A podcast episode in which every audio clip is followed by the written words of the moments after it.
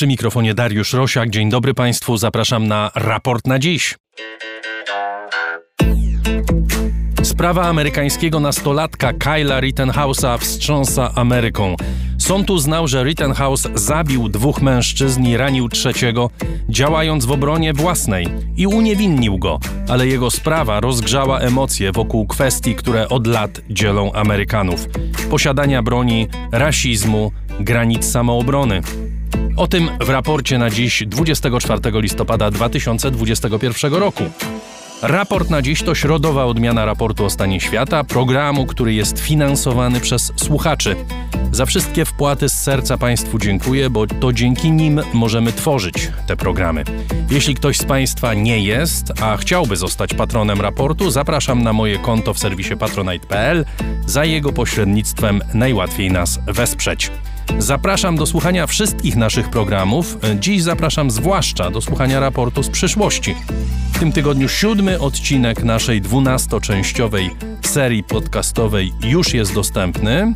Podobnie zresztą jak wszystkie poprzednie odcinki. Najłatwiej ich słuchać z naszej strony, gdzie jest oddzielna zakładka raportu z przeszłości, a jeśli wolą Państwo na przykład serwis Spotify, to tam także jest playlista pod tytułem Raport z przyszłości Agata Kasprolewicz, bo Agata jest oczywiście autorką i prowadzącą tej serii.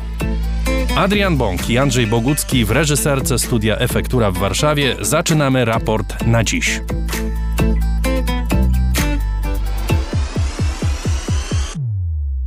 A moim gościem jest dziś Andrzej Kochut, autor podcastu po amerykańsku, analityk klubu Jagiellońskiego. Dzień dobry. Dzień dobry, witam serdecznie.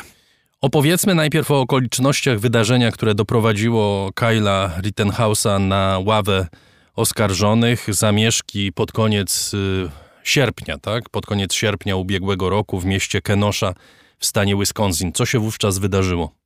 Rzeczywiście musimy się cofnąć o rok do tego burzliwego czasu, kiedy po śmierci George'a Floyda Ameryka jest wzburzona, odbywają się te protesty rasowe w całym kraju i one mają również swoje lokalne odsłony ze względu na inne wydarzenia i tak e, się zdarzyło w Kenoszy. E, tam doszło do strzelaniny, w wyniku której policjant zranił e, czarnoskórego człowieka, Jacoba Blake'a. Doszło do incydentu, najprawdopodobniej przemocy domowej, została wezwana policja, wydarzył się tego rodzaju incydent i w efekcie, tak jak w innych miejscach kraju, wybuchły najpierw protesty, a później te protesty zmieniły formę w taką bardziej burzliwą. Zaczęło dochodzić do podpaleń budynków, podpaleń samochodów. E, sytuacja nabrzmiała, w związku z tym została wprowadzona godzina policyjna, została zawezwana Gwardia Narodowa i w takim otoczeniu, w, takiej, w takim kontekście wydarzyło się to, co stało się przedmiotem tego procesu Kyla Rittenhouse'a, mianowicie po dwóch dniach burzliwych protestów na ulicach... Mówimy Ken... cały czas o Kenoszy. O Kenoszy w stanie Wisconsin, tak. Po tym, jak Jacob Blake e, został ranny. E, na ulicach Kenoszy pojawili się e, milicjanci, pojawili się uzbrojeni cywile, którzy przypisywali sobie rolę zaprowadzania porządku na ulicach, którzy twierdzili, że pojawili się tam, by bronić mienia między m.in. przedsiębiorców w Kenoszy przed potencjalnym zniszczeniem. I wśród nich był 17-letni Kyle Rittenhouse uzbrojony w AR-15, czyli karabinek cywilny, który wygląda zupełnie tak jak wojskowe M16, czyli mieliśmy takiego młodocianego żołnierza, można powiedzieć. I podczas tej akcji Kyle Rittenhouse w wyniku kilku zajść strzelał do kilku osób, zginęło dwóch e, bezbronnych ludzi, ranny został trzeci i to było przedmiotem tego procesu, który e, właśnie się przed kilkoma dniami zakończył. Ten trzeci już e, miał pistolet i on się zbliżał do Rittenhouse'a z pistoletem. Ci dwaj zaatakowali, tak uznała ława przysięgłych, że zaatakowali Rittenhouse'a i sąd uznał rzeczywiście ten argument, że on działał w samoobronie, więc miał prawo użyć broni. Kilka aspektów tu się pojawia oczywiście i pierwszy aspekt, który najbardziej wzbudza emocje, to jest taki mianowicie. Wszyscy czterej, to znaczy trzy ofiary oraz y, oskarżony są biali, natomiast mówimy tu o aspekcie rasowym. Gdyby Rittenhouse był czarny, to już by nie żył, tak powiedział policjant, który strzelał do Jacoba Blake'a, o którym pan wcześniej wspomniał. To znaczy ten policjant, który użył broni wobec właśnie podejrzanego o przemoc domową Afroamerykanina, mówi, że gdyby e, Rittenhouse był czarnym człowiekiem, to po prostu policjanci, którzy to widzą, po prostu by go zastrzelili, zanim zadaliby jakiekolwiek pytania. I to jest coś, co oczywiście wzbudza ogromne emocje, bo to pokazuje pewną nierówność, na którą się zwraca uwagę. Jak ten aspekt jest rozgrywany przy okazji tej sprawy? Tutaj nie ma wątpliwości, że policjant, e, który e, wypowiedział się w ten sposób, e, najprawdopodobniej ma rację. To znaczy, rzeczywiście ta przemoc policji w stosunku do czarnoskórych obywateli bywa nieproporcjonalnie większa niż ma to miejsce w przypadku do obywateli białych. To widzimy w statystykach i warto przypomnieć, że w tym samym roku, kiedy doszło do incydentu w Kenoszy, doszło do innego incydentu, gdzie zginął dwunastolatek, czarnoskóry dwunastolatek, który miał zabawkową broń. Policjant, nie będąc pewny, czy nie zostanie zaatakowany, po prostu oddał strzał. W tym wypadku mieliśmy do czynienia z nastolatkiem białym, uzbrojonym w coś, co wyglądało jak karabin i było karabinkiem jakkolwiek cywilnym. On z tym karabinkiem zbliżył się do policji. Policja w ogóle zignorowała go w pierwszej chwili. To jest ciekawy aspekt samej sytuacji. On krótko po tych strzelaninach starał się poddać. Tymczasem e, funkcjonariusze uznali najprawdopodobniej, że nie jest zagrożeniem, że to nie on strzelał i puścili go wolno. Dopiero później Kyle Rittenhouse został zatrzymany, więc choć e, w samej tej sytuacji nie ma przemocy rasowej, bo rzeczywiście wszystkie ofiary, jak również sam Kyle Rittenhouse byli biali, to jednak ten kontekst rasowy gdzieś nad tą sprawą wisi, również ze względu na to, dlaczego Kyle Rittenhouse pojawił się w Kenoszy.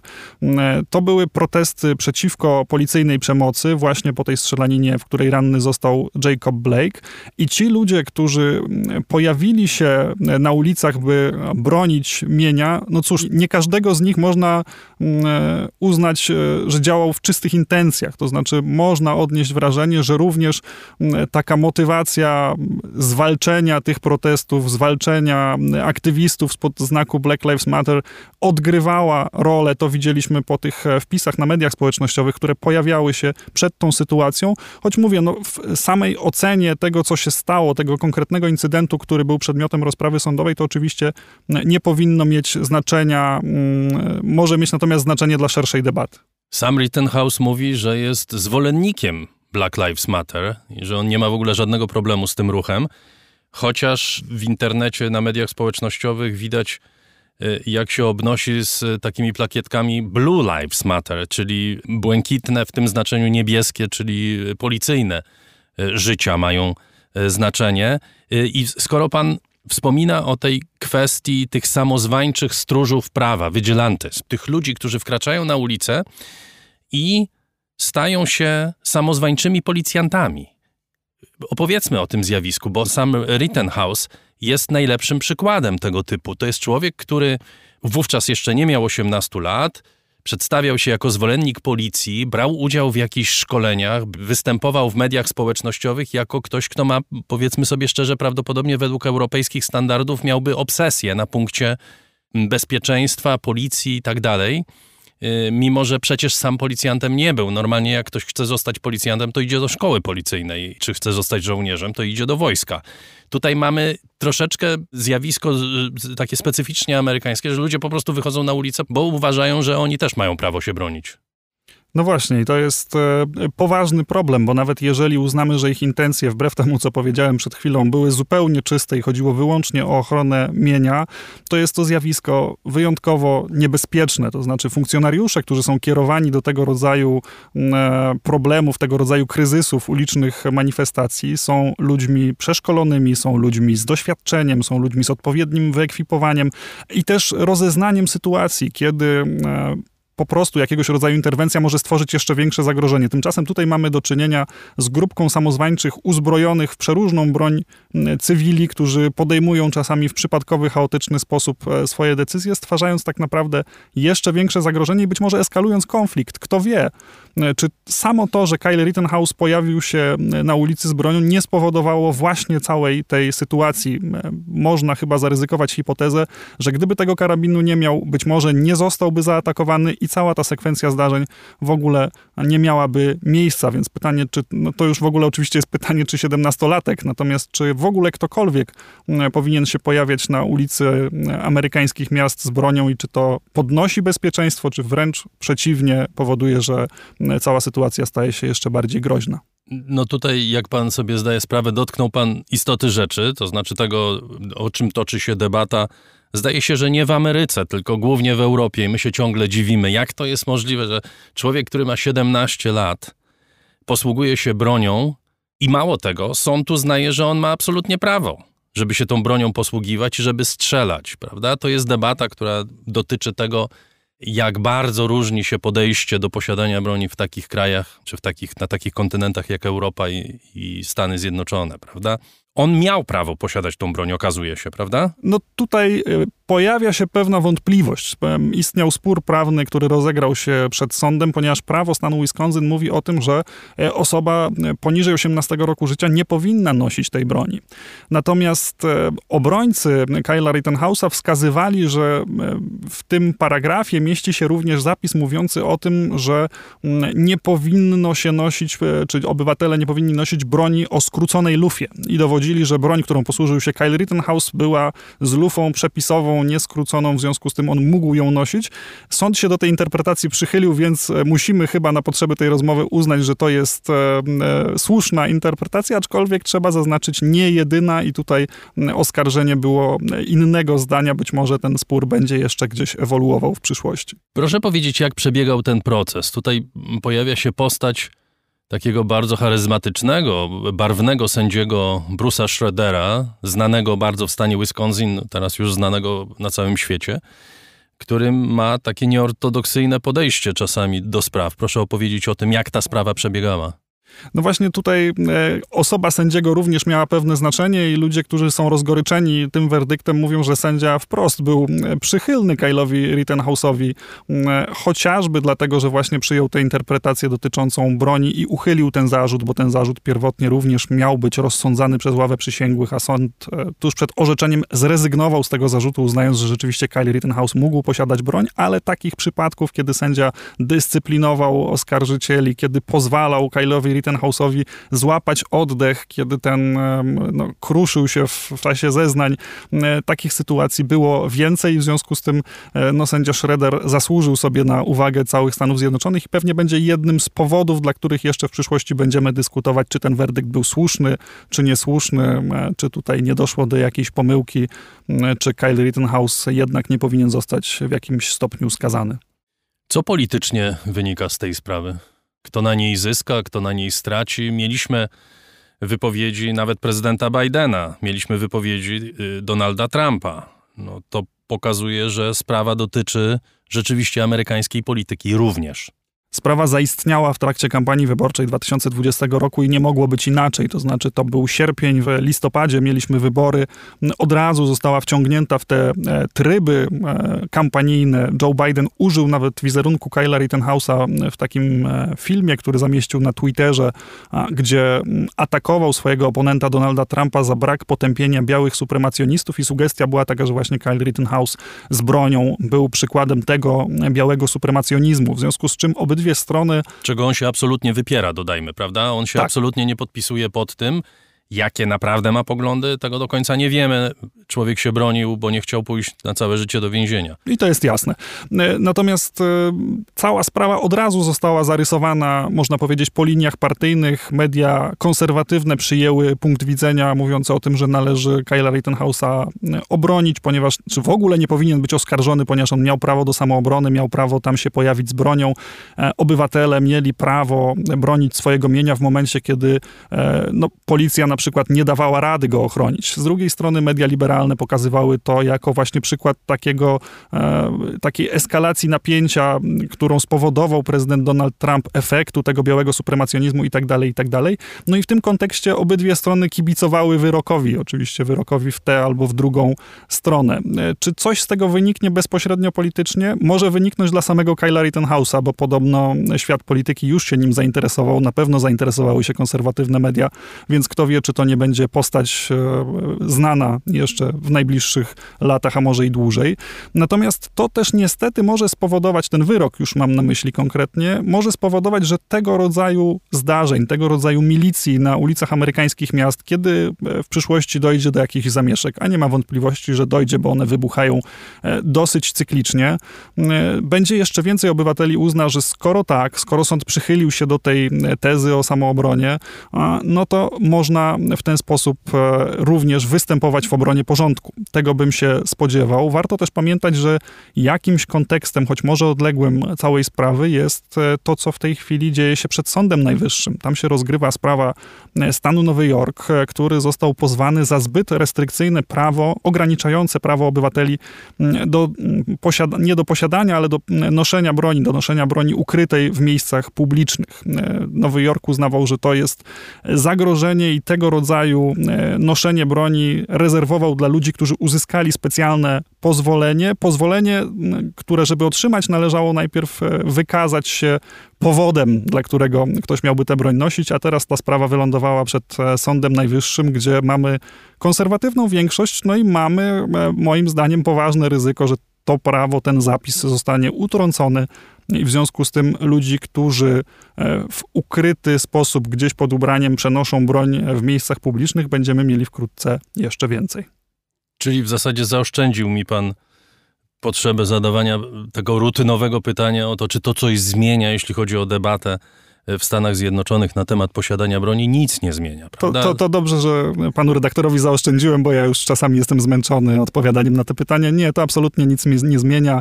E, mamy 400 milionów sztuk broni palnej w rękach amerykańskich cywilów. E, mamy e, werdykt Sądu Najwyższego z 2008 roku, który mówi, że mają prawo Amerykanie posiadać broń i mamy konserwatywną większość w Sądzie Najwyższym, która a. uniemożliwia zmianę tego werdyktu z 2008 roku i B. być może doprowadzi do tego, że te prawo do posiadania broni zostanie jeszcze rozszerzone. Moim gościem był Andrzej Kochut, autor podcastu po amerykańsku, analityk klubu Jagiellońskiego. Dziękuję bardzo. Ja również bardzo dziękuję za rozmowę. To już prawie wszystko w tym raporcie na dziś. Zapraszam serdecznie na sobotę. Proszę nas słuchać najlepiej ze strony raportostanieświata.pl. Proszę do nas pisać na adres raportrosiaka.gmail.com i niezmiennie dziękuję Państwu za to, że z nami jesteście.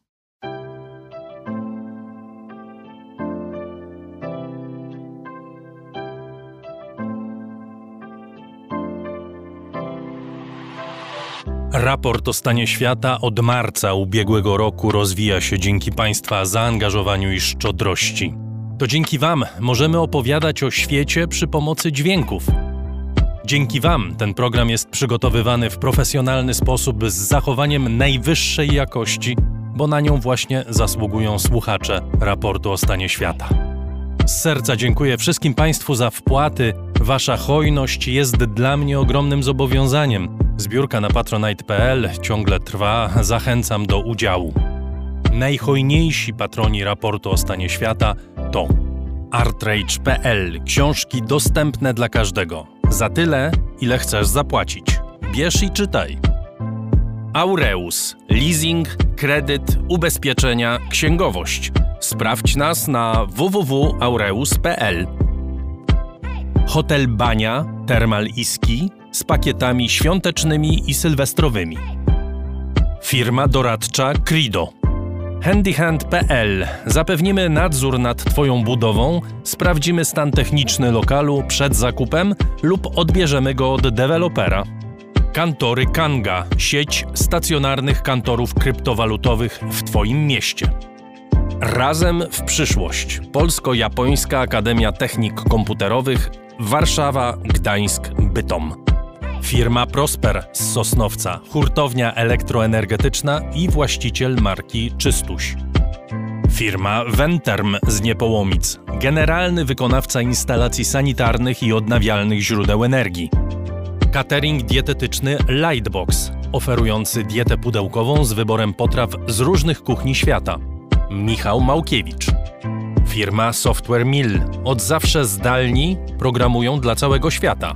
Dom wydawniczy Muza, bo świat nie jest nam obojętny. Uber. Myślimy globalnie, działamy lokalnie. a także firma Ampio Smart Home, BIMV.pl, kursy online dla inżynierów, CIO Net and Digital Excellence. Łączymy ludzi i idee. Grupa brokerska CRB. Ubezpieczenie należności dla Twojej firmy. Bezpłatne porównanie ofert www.grupacrb.pl. Mariusz Drużyński. Salony meblowe Faster, Zełku i Białego Stoku wspierają piękne wnętrza. Agata Fischer. Galmet. Polskie pompy ciepła. Marek Jerzewski.